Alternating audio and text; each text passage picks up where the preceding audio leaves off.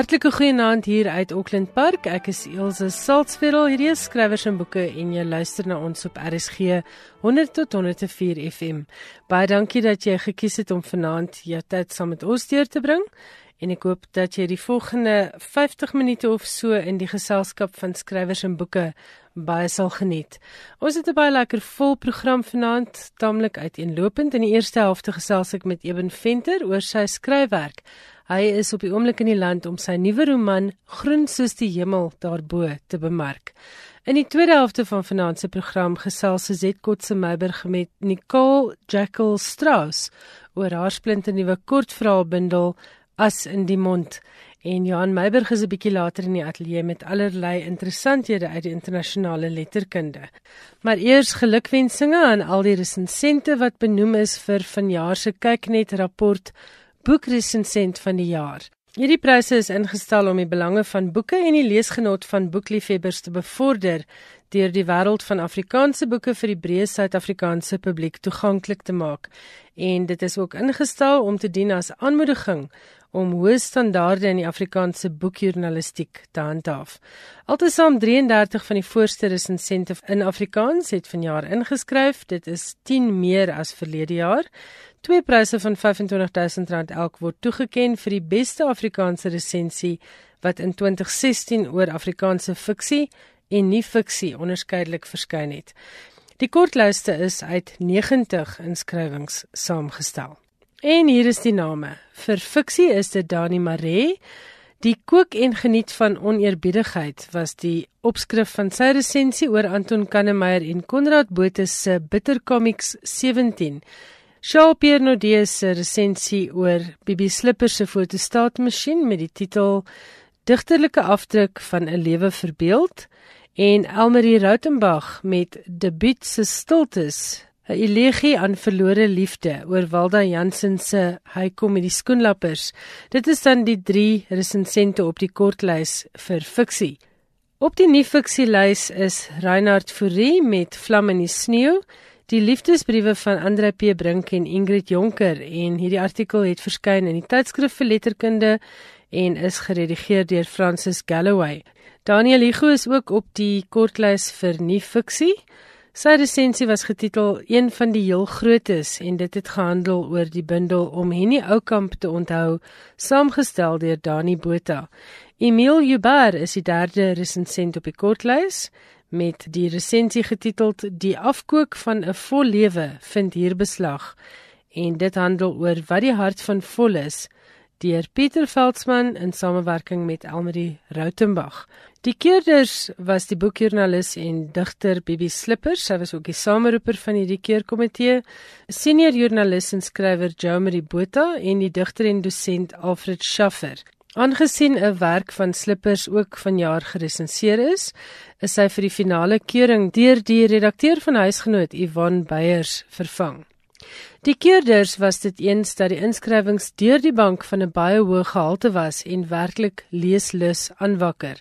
Daar was heel party gevalle waar ek nie noodwendig onder normale omstandighede in 'n sekere boek sou belangstel nie, maar die resensense entoesiasme en insig het my genoeg geprikkel om dit 'n kans te wil gee, sê Slippers. Dit was ook veral heerlik om verskillende resensies van belangrike boeke soos Die Nadood, Vlakwater en Koors te lees en uiteenlopende interpretasies en leesbenaderings te kan ervaar via die resensente.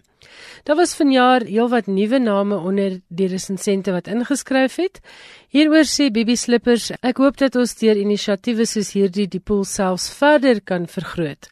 Hoe meer ingeligte, intelligente menings uit verskillende perspektiewe verteenwoordig is, hoe beter vir alle rolspelers in die boekbedryf.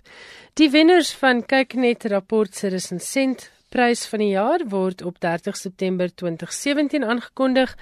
Dit is dan saam met die wenners van die Kyknet rapport boekpryse waarvan ek ook onlangs die finaliste hier op skrywers en boeke aangekondig het. Baie geluk aan almal wat benoem is.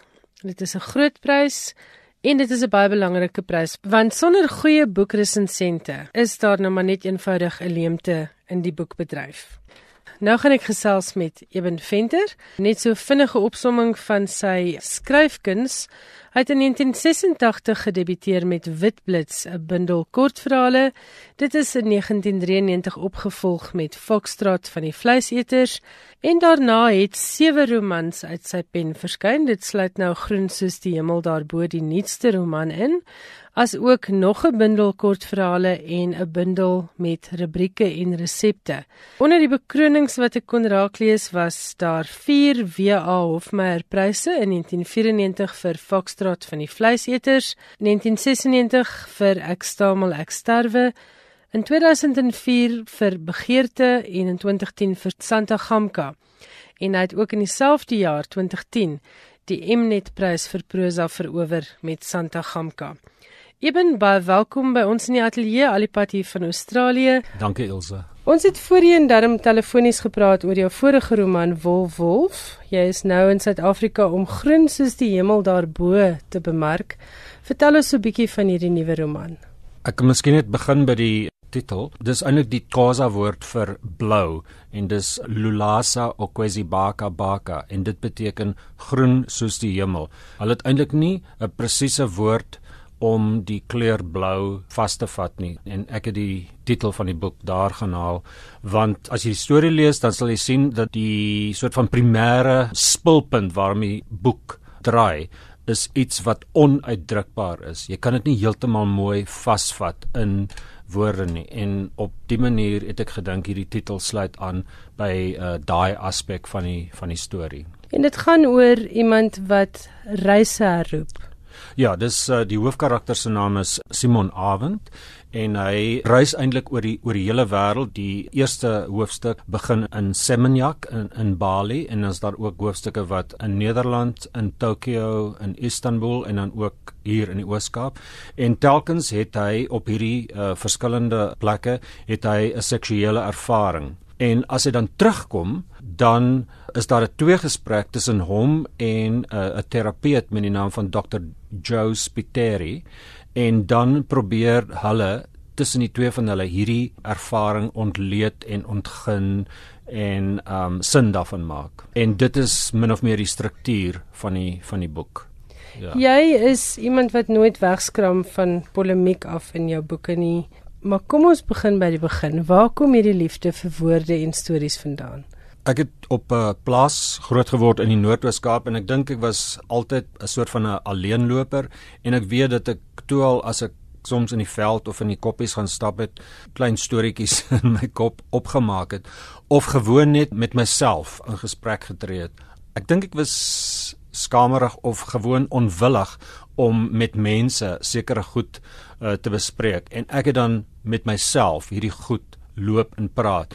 En teen die tyd dat ek in die lugmag aangekom het, het ek begin om aantekeninge te maak oor my as jy wil my monoloë en observasies, alles wat ek gesien en gehoor het, koerantuitknipsels.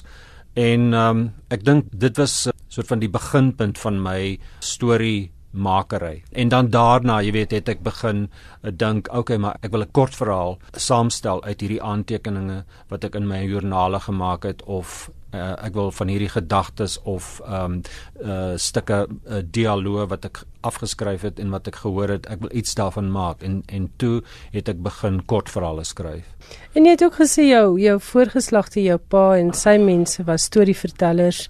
En dan was die televisie nie, jy het maar met radioverhale en dinge groot geword, het dit 'n ja. rol gespeel. My pa het 'n verskriklike goeie uh, geheue gehad en hy was 'n baie uh, charmante en interessante storieverteller. Daai hele geslag van hom, hy en sy tante um Aunt Hetty het ons vir gesê en al daai venters van uh, Burgersdorp kon eintlik op 'n baie dinamiese en geanimeerde manier uh, stories vertel met 'n wonderlike lokale woordeskat. En daar was 'n onderwyser, die letterkundige Charles Melan. Ja. Wat vir jou aan Grey College skool gegee het wat ook 'n invloed gehad het op jou liefde vir die letterkunde. Vertel so 'n bietjie ja. daarvan. Ja, ek was baie erg oor oor Charles Malan en eintlik ook oor my uh, Latyn onderwyseres by uh, Grey College. Charles was soos 'n pedagoog, jy weet, hy was eintlik nie een van daai tradisionele onderwysers wat hom streng by die ehm um, die leerplan hou mm. nie. Hy het 3 of 4 borde gehad aan die voorkant van die klas en dit was heeltemal toegeskryf met klein aantekeninge en dan het hy met die met die borsel sal hy net so 'n klein kolletjie uitvee en dan het hy weer daar 'n aantekening gemaak en hy het ons regtig opgevoed oor nuwe neigings. Dit was die tyd van die 60ers in die Afrikaanse letterkunde, maar hy het ook gepraat oor hoe die Afrikaanse letterkunde aansluit by wêreldletterkunde. In sy klas, ja, ek dink ek het ek ongetwyfeld my liefde vir Afrikaans en vir die roman dit daar begin. En jy het ook vertel jy het vir Etienne Leroux, Steven Leroux gesien as hy sy kind kom aflaai en ja, ja vergaap aan hierdie boheemse eksentrieke skrywer. Ja, Steven sy seun, ek en hy was in dieselfde klas en ehm um, en Steven se pa het definitief heeltemal anders gelyk as enigiemand anders se pa.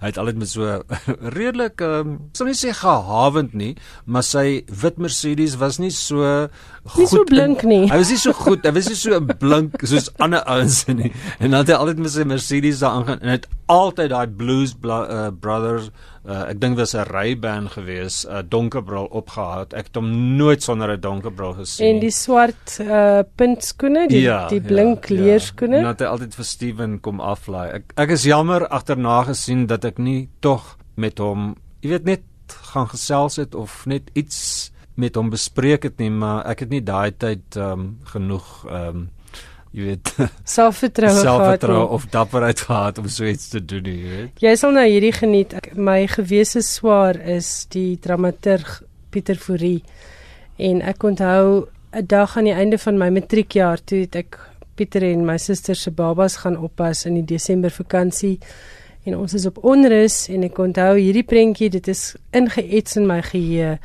Steven Etienne Leroux was daar ja. Jan Rabie was daar Ys Kriege Chris Barnard en dan Pieter. En wow. ek was hierdie matriekdogter mm. wat instinktief geweet het ek sit hier en ek bekyk 'n stukkie geskiedenis want wow. ek speel met die kleintjies op die strand en Uisie soos hulle hom almal mos genoem het, swem in die getypool.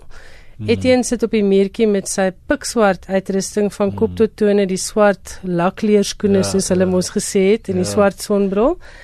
Jan Rabie lyk of hy pas die see, die see myle saam met die sonderkossers gestap. Die hare is te mekaar ja. en hy's kaalvoet. En Chris Barnard en Pieter Fourie sit eenkant en sy gaan hulle pype en daai prentjie gaan ek nooit uit my kop ja. uitkry nie. Ja, die 60's fotos geneem daarvan. Wel weet jy mense is matriek, jy dink ja. nie hier jy jy besef jy sien iets maar jy jy dink ook nie eintlik twee keer ja. daaroor nie want ja. dit is nou die mense wat jy sien. Die teenwoordigheid van gees ja. nie. Toe gaan studeer jy teologie, maar uiteindelik het jy 'n meestersgraad in filosofie behaal. Hoe word jy toe joernalis en kopieskrywer? Ja, wel die ding is filosofie is 'n um, 'n lieflike agtergrond vir jou selfontwikkeling en vir die ontwikkeling van jou denke, maar tensy jy in die akademie gaan, sal jy nie maklik werk daarmee ja, kry nie. Ja toe het ek nou maar probeer om vir 'n ruk lank kopie skrywe te doen hier in Johannesburg en eintlik is dit 'n goeie oefening want jy moet 'n hele konsep uh, probeer um, vervat in 'n enkele woord of in in 'n enkele uh, uh, slagspreuk, jy weet. Mm, so dis 'n mm. goeie oefening eintlik vir skrywers om um, kompak te skryf en sonder enige aanhangsels. Ja, toe was Suid-Afrika baie omgekrap. Dit was die begin van die uh, noodtoestand en op daai stadium was ek reeds een keer in Australië en toe het ek besluit ek gaan um, emigreer. En jou broer was reeds daar. My broer het my geborg en toe ek in Sydney aankom, was ek weer gekonfronteer met wat doen jy nou eintlik met 'n meestersgraad in filosofie? en toe het ek in die kombuis begin werk. Um hy en sy vernoot het um 'n makrobiotiese of as jy wil 'n vegetariese kafee gehad en toe het ek daar uh, begin werk en uiteindelik het ek 'n uh, volwaardige 'n um, kok geword in hulle kafee met die naam van Iku. Mm. Ja. Maar tussendeur het jy bly skryf. Jy het gedebuteer met kortverhale hier in Suid-Afrika voordat jy weg is. Ja. Jou bundel met die titel Wit Blits en toe 7 jaar later in 1993, dis dit Foxtrot van die vleiseters. Ja.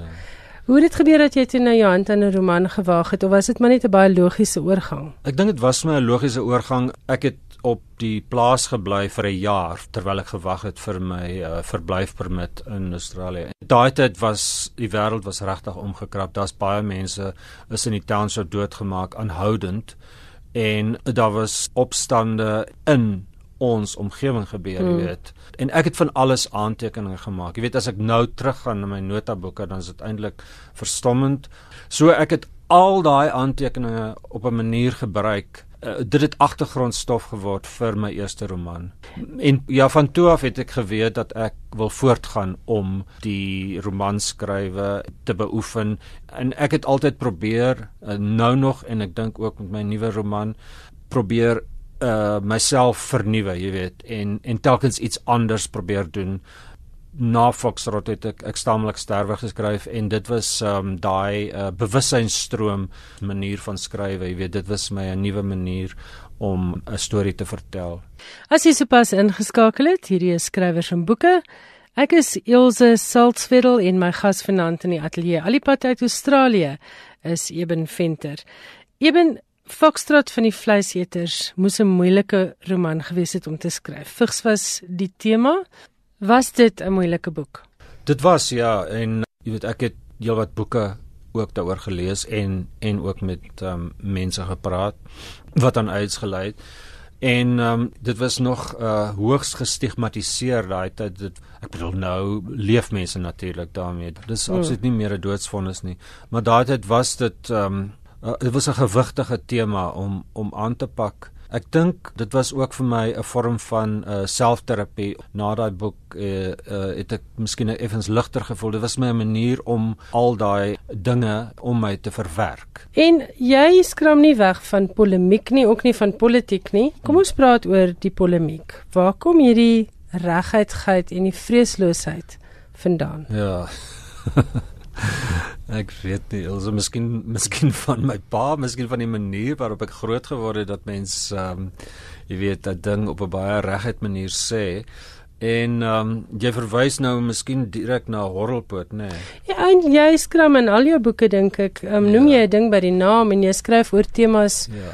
waaroor niemand maklik praat nie en jy ja. skryf boeke daaroor. Ek dink byvoorbeeld aan Wolf Wolf, dit was ook nie 'n ligte roman nie. Ja. Jy het geskryf oor pornografieverslawing, internetpornografie ja. en dis nie iets wat elke tweede romansier aanpak nie. Ja. Ek weet nie presies hoekom ek dit doen nie. Dis dikwels onderwerpe wat my interesseer. Uh wat betref Horrelpoot of uh Trencherman verlede jaar in Engeland en in Australië verskyn het. Ek was geweldig onder die indruk van daai storielyn in Heart of Darkness van Joseph mm, Conrad. Mm. Toe is daar ook 'n film gemaak met dieselfde storie lyn in Apocalypse Now.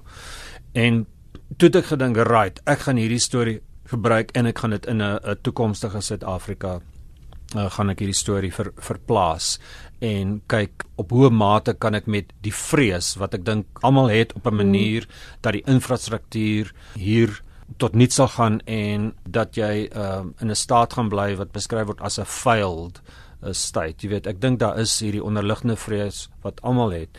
En ehm um, ek dink dis wat ek probeer aanpak het. Toe kom Broaha en die Stony stories en dit was nou vir heeltemal aan die ander kant van Eben Venter wat ehm um, baie van ons verras het en ja. Ek dink jy het vir jouself 'n groot klomp aanhangers bygeskryf met daardie rubrieke wat ook later in boekvorm verskyn het. Ja. Was dit maar 'n manier om jou lewe in Australië met ons te deel of waar waar die inspirasie daarvoor vandaan gekom? Ja, dit was dit was my baie lekker. Ek moet sê dit was dit was 'n baie lekker werk en ek was jammer toe dit tot, tot 'n einde geloop het. Maar dis 'n uh, ander dissipline, né? Elke week elke week hmm. moes moes ek iets gaan haal en jy weet ek moes iets probeer kry wat nie net Australies uh, van atmosfeer en sfeer is nie maar wat tog op 'n manier jy weet uh, mense hier in Suid-Afrika sou aanspreek. Maar dit was my altyd lekker en ek het dan altyd dit ook gekombineer met 'n foto wat ek mm, aanself mm. geneem het nie 'n foto van die onderwerp.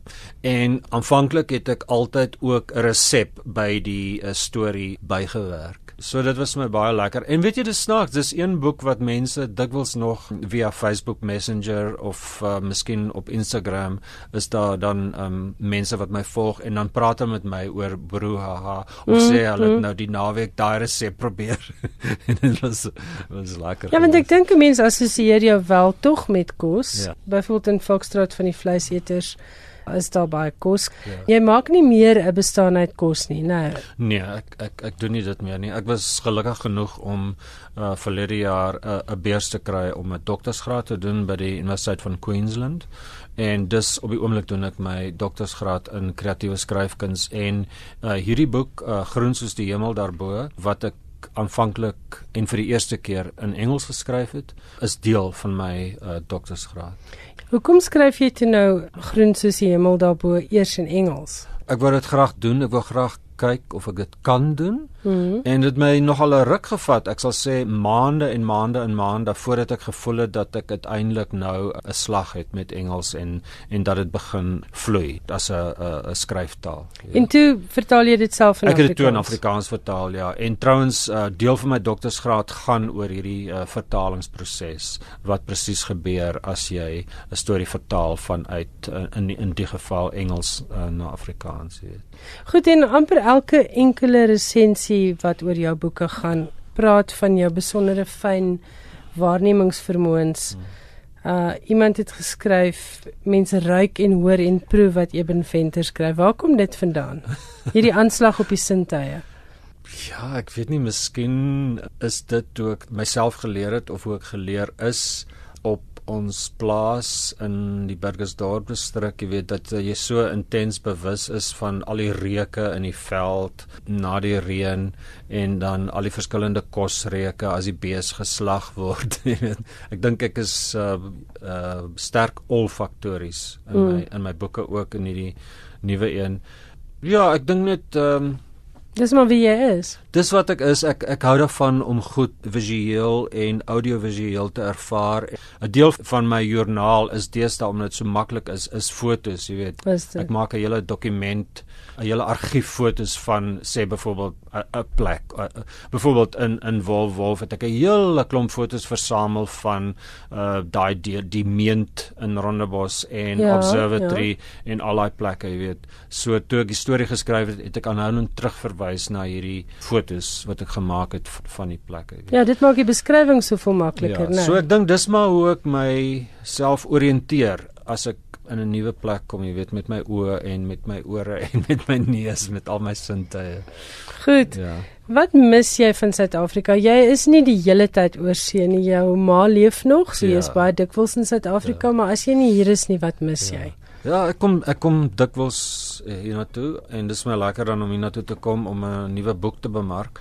Ek dink dis maar meestal net die gemeenskap met ehm um, vriende en van my familie wat ek uh, goed ken en wat my goed ken. Jy weet wat mense aan wie jy niks hoef te verduidelik nie want hulle ken jou agtergrond, hulle weet meer of meer hoe jy groot geword het en wat 'n familie uh uit wat uit watter familie jy gestam het en ek dink ek ek ek mis daai tipe van gewoon net geselsery en die manier waarop mense soms Afrikaans so raak uh ding kan sê en deur net een enkele woord te gebruik. Jy weet, ek dink uh dit is wat ek die meeste mis. Eben Venter, baie dankie dat jy met my kom gesels het hier in die skrywers en boeke ateljee. Ek is seker daarvan jy het nog 'n paar aanhangers bygekry. Baie voorspoed met groen soos die hemel daarbo. Ek hoop hy verkoop baie goed en ons sal natuurlik vir hom uitkyk op die pryslyste want dit is waar Eben Venter werk gewoonlik eindig. Baie dankie Ilse. Ek het gesels met Eben Venter. Sy boek Groen soos die hemel daarbo wat pas verskyn het, word in Suid-Afrika deur Tafelberg uitgegee en kos R260. Ons het ook tyd vir 'n vinnige skrywer van Afrika. Vanaand gesels Terrence April oor Chinua Achebe van Nigerië, natuurlik die bekendste vir sy boek Things Fall Apart.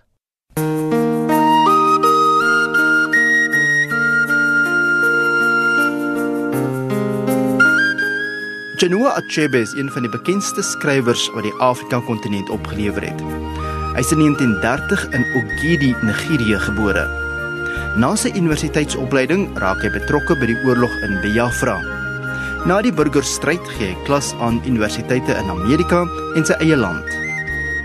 Achebe het in 2007 die gesogte Man Booker Internasionale Prys ontvang vir sy bydrae tot letterkunde.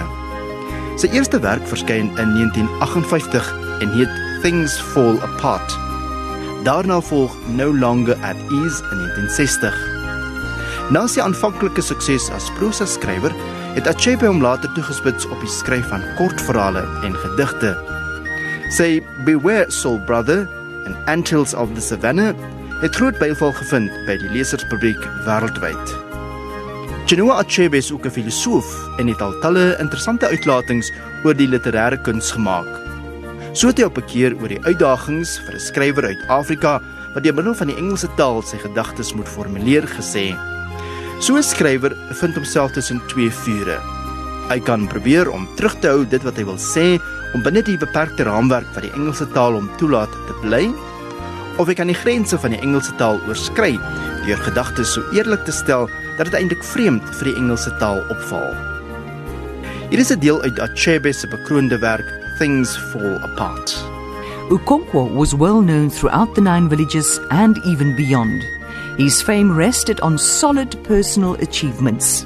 As a young man of 18, he had brought honor to his village by throwing Amalinzi, the cat. Now, Amalinzi was the great wrestler who for seven years was unbeaten from Umufia to Mbain. He was called the cat because his back would never touch the earth. It was this man that Ukonkwo threw in a fight which the old men agreed was one of the fiercest since the founder of their town engaged a spirit of the wild for seven days and seven nights.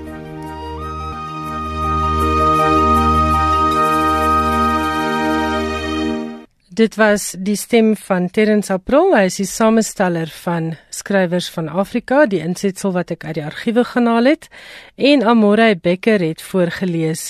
Die skrywer vanaand was Chinua Achebe, natuurlik baie bekend veral vir Things Fall Apart. Suzette Kotse Meiberg gesels nou in Kaapstad met Nicole Jackal Strauss oor haar tweede bundel kortverhale As in die mond. Geniet dit. Nicole, baie welkom by ons in die ateljee. Baie dankie Suzette. Ons gesels oor jou tweede kortverhaalbundel As in die mond, maar ek wil eers so 'n bietjie teruggaan na jou debuut, Maal. Dit het in 2010 verskyn. En dit was jou uh, projek vir jou MA in kreatiewe skryfwerk, nie? Dis reg, ja. Ja, ek het dit by die Universiteit van Kaapstad gedoen onder die studieleiding van Etienne van Heerden. Dit was 'n ehm um, nie iets wat ek aanvanklik gedink het ek sal skryf toe ek by Etienne ingeskryf het nie. Ek wou graag op daardie stadium 'n roman gedoen het, maar nadat ons ons eerste paar onderhoude gehad het en so aan het ons besluit dat kortverhale miskien die genre is waaraan ek moet begin werk. En ek is baie bly dat dit so uitgewerk het want die kortverhale het vir my baie goed gewerk as studiemateriaal omdat dit my die geleentheid gegee het om verskillende karakters se stemme te ontwikkel, iets wat aanvanklik vir my moeilik was. En jy weet ek is nie voltydse skrywer nie. Ek dink daar's baie min voltydse skrywers, maar ek het allerlei ander dinge wat ek ook doen. So dit was vir my makliker om kortverhale in te pas in die res van my lewe, in my leefstyl. Daarna het ek weer verskeie ander goed gedoen en toe nou op die ouend weer 'n kortverhaalbundel aangepak. En ek hou regtig van die genre. Ek sal nie sê dat ek noodwendig volgende 'n roman gaan skryf nie. Ek sal graag wil een of ander tyd, maar um, wanneer die tyd reg is. En jy het vir Maal het jy twee pryse gewen, die Eugene Marie en die IG debuutprys. Dis reg. Het dit dit moeiliker gemaak die tweede bundel? Dit het dit bepaald moeiliker gemaak. Ek is iemand wat selfs uit my eie uit baie druk op op my sit en om nog die twee pryse te gehad het wat oor my kop gehang het as ware, het dit definitief moeilik gemaak. Mense is bewus daarvan dat jy baie graag die vertroue wat in jou gestel is deur die die beoordelaars wat vir jou die pryse gegee het gestand wil doen en die standaard wil handhaaf. En jy het 'n werkagtergrond in die regte. Jy het 'n BCom uh, regtegraad en toe LLB. Jy's ook tot die Bali toegelaat as advokaat. Ek het gepraktiseer, nie baie lank nie. Toe my kinders gebore stuk opgehou werk, ek het maar altyd gedink ek sal weer teruggaan in die regsberoep in, maar dit het toe nooit so uitgewerk nie. Skryf was nog altyd 'n liefde. Ek het stadium begin rubrieke skryf vir die koerant en stories vir die buiteburger oor reis en so voorts en dit baie geniet om te skryf en toe ek vir myself gesê na my derde kind se geboorte dat ek gaan nou aansoek doen vir die meestersgraad en as ek dit kry, dan gaan ek nou skryf en as ek dit nie kry nie, gaan ek nou iets anders doen. En toe het ek ingekom en en ja, toe het ek nou begin skryf. As in die mond is kortverhale 12, maar hulle is saamgebind op een of ander manier het al die verhale uh, is daar bindingselemente tussen hulle gaan so 'n bietjie in op hierdie verskillende bindingselemente wat jy gebruik. Dis reg, ja, dit is 'n een eenheidsbundel.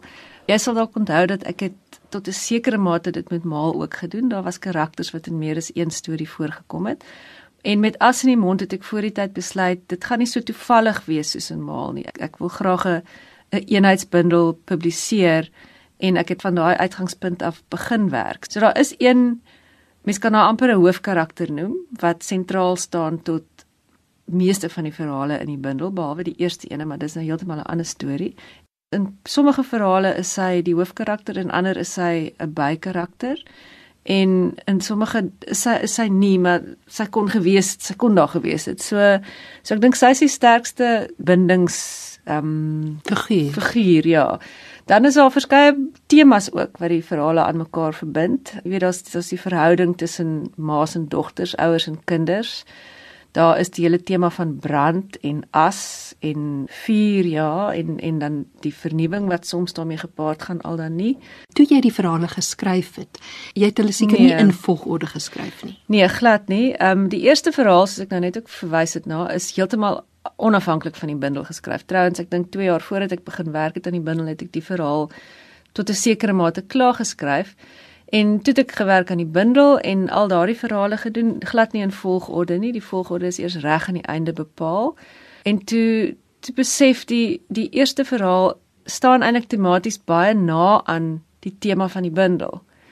En toe besluit om dit in te voeg. Al speel dit heeltemal in 'n ander tyd vlak af en al is die karakters, jy weet die selfde karakters kom nou nie voor nie, maar die tema van ma en dogter, die tema van brand, die tema van wat vat jy saam met jou? Wat is dit wat jy aan vashou? Wat ook 'n bindingstema is deur die hele bundel. Kom so sterk daarin ook voor dat dit eintlik al vreemd vir my was dat hierdie temas my blyklik agtervolg het om nog 'n hele bundel daaroor te doen. Toe jy die verhale toe in volgorde geplaas het, moes jy soms 'n bietjie byskryf hier en daar in 'n verhaal om net daai bindingselemente bietjie te versterk. Ek het dit nie verskriklik baie gedoen nie. Dit dit het amper maar uitgekom soos wat ek die verhale geskryf het. Reg aan die einde, toe ek nou die volgorde het en bepaal het wat kom waar in die bundel, het ek wel weer die hele ding deurgewerk om te sien of dit nodig is om dit te versterk en ek dink ek het op een of twee plekke iets ingeskryf, maar ek het gevoel as ek dit te veel doen, gaan dit die autentisiteit daarvan verloor.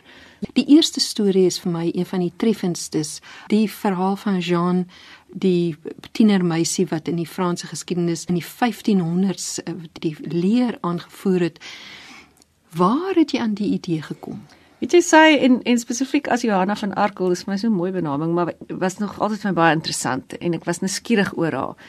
En 'n paar jaar gelede het ek die voorreg gehad om die Oxford Letterkundefees by te woon. En daar het toe 'n Amerikaanse akademikus gepraat wat 'n boek geskryf het oor Joan of Arc en oor haar ma en oor haar omstandighede en waar sy dink sy vandaan kom en wat haar beïnvloed het om op om op jou te doen wat sy gedoen het.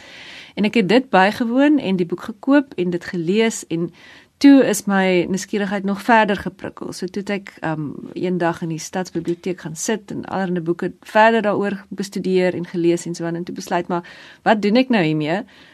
ten minste moet ek 'n storie skryf, jy weet 'n verhaal, daarom net dit dit neerpen op een of ander manier. En toe het ek die verhaal geskryf en dit was van die begin af 'n baie lang verhaal, want dit is vreeslik baie gegevens wat ek daarin wou saamvat.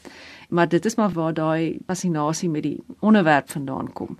Ek het gedink dat jy die periode besonderhede en die gevoel van die periode nie dat ek enigsins gaan weet hoe dit in die 1500s was nie, maar jy wil voel dat dit kon so gewees het. En dit was vir my baie oortuigend. Ek is bly om dit te hoor want ek het spesifiek probeer om nie geskiedkundige foute te maak nie. Dalk kan natuurlik ingesluip het, dit is fiksie. Maar ek het, jy weet, klein goedjies raak gelees soos die kleur ink wat op daai stadium of kleursel wat op daai stadium beskikbaar was watter klere sou die gordyne kon gewees het byvoorbeeld. Dit kon nie enige kleur gewees het nie, want daar was net sekere klere beskikbaar of watter speserye beskikbaar sou gewees het in Frankryk, want jy kry natuurlik nie alles so gekry het wat jy nou kan kry nie. So of meel of ensovoorts ensovoorts. So dit is vir my baie interessant om om myself te leer en en jy weet meer kennis op te doen oor wat het in daai tydperk gegeld as alledaags. Die ma-dogter verhouding alreeds van die begin af is daardie ma-dogter verhouding problematiek ja. is gefestig en dan vat jy dit verder deur die storie met uh, Susan die vrou wat die meeste voorkom in al die verhale en dan met haar ma Marike en haar dogter Maya. Die ma-dogter verhouding waarom is dit vir jou die fascinerende een Waarskynlik omdat ek self 'n dogter en 'n ma is. Jy weet, so dit is maar 'n baie persoonlike ervaring en die ervaring van die karakters is nie noodwendig my eie nie. Dit is was totaal uitgedink.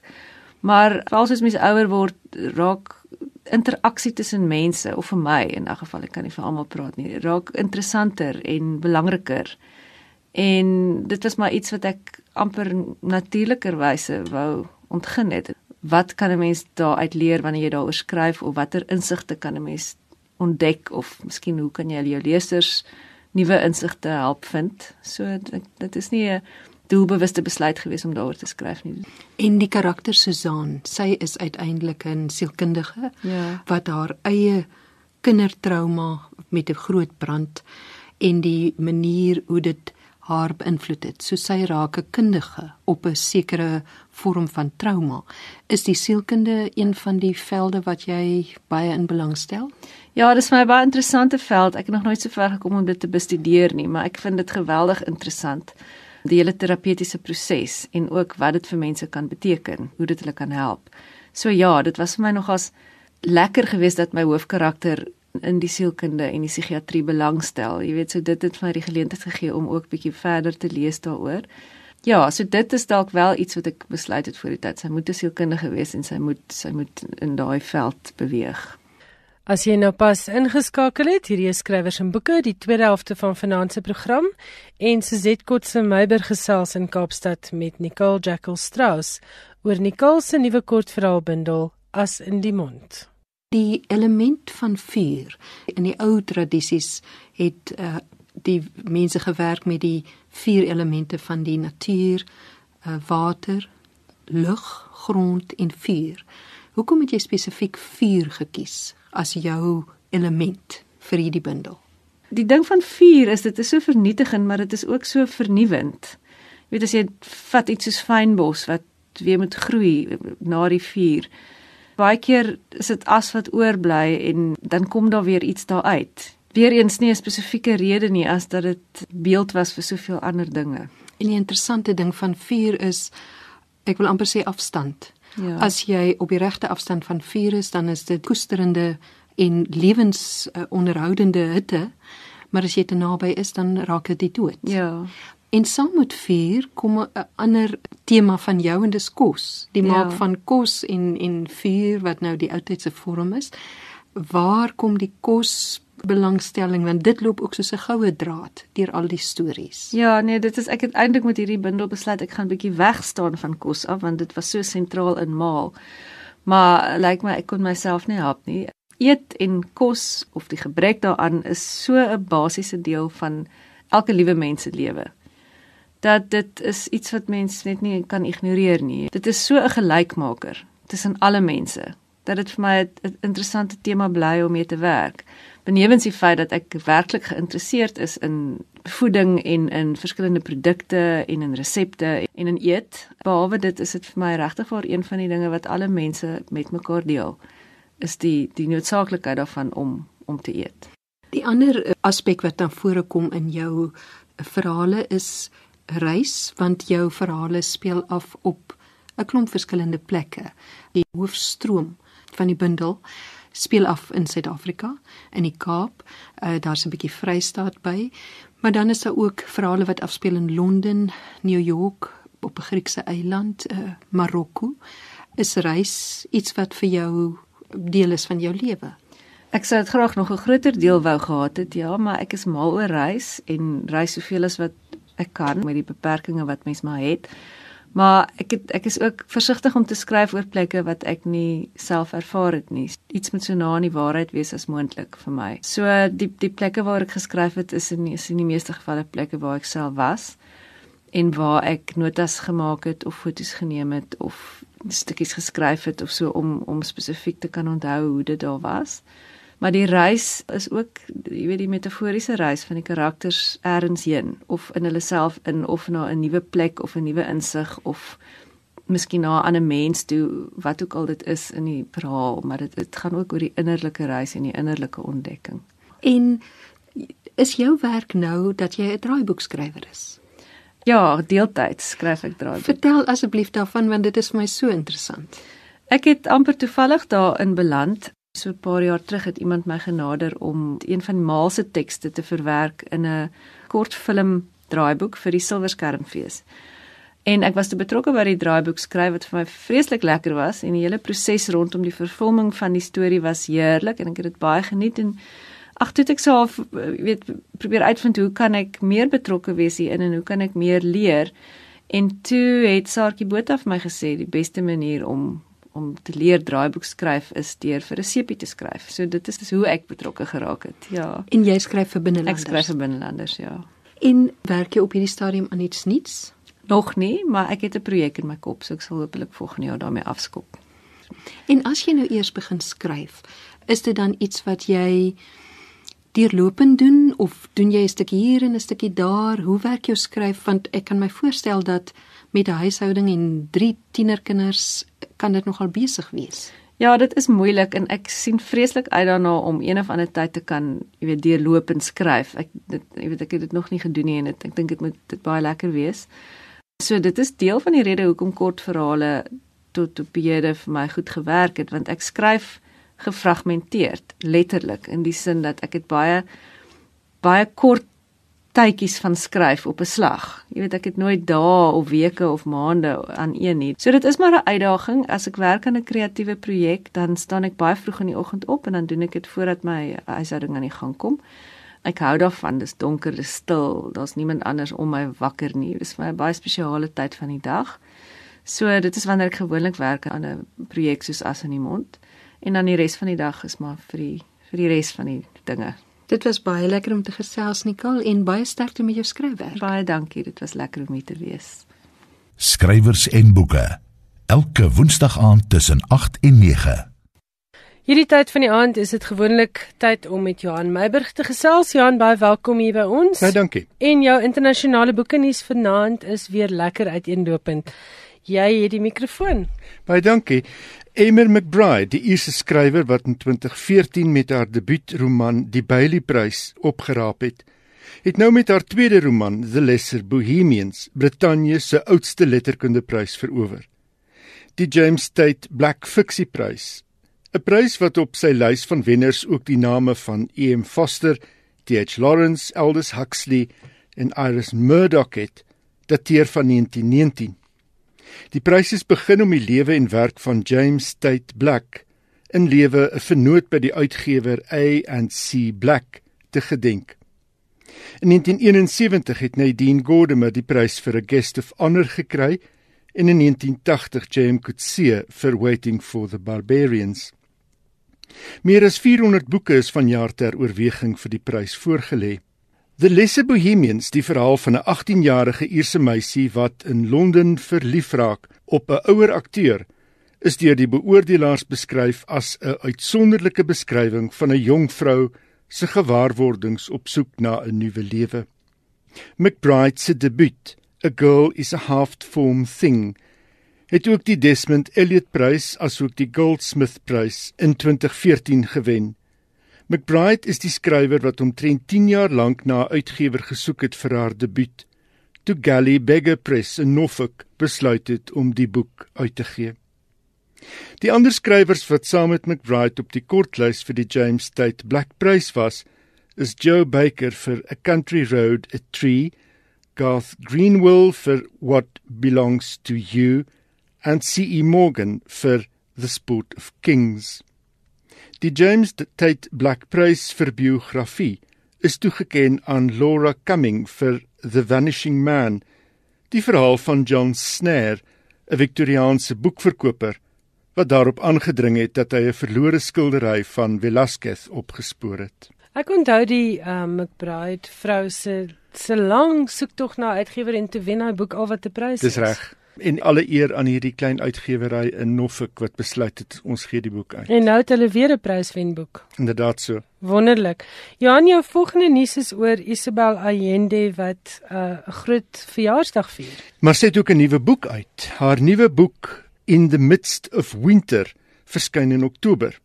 Dit gaan oor 'n Guatemalaanse vrou wat as onwettige immigrant in die FSA is en 'n moedige optimistiese Chileense joernalis wat sy daar teekom.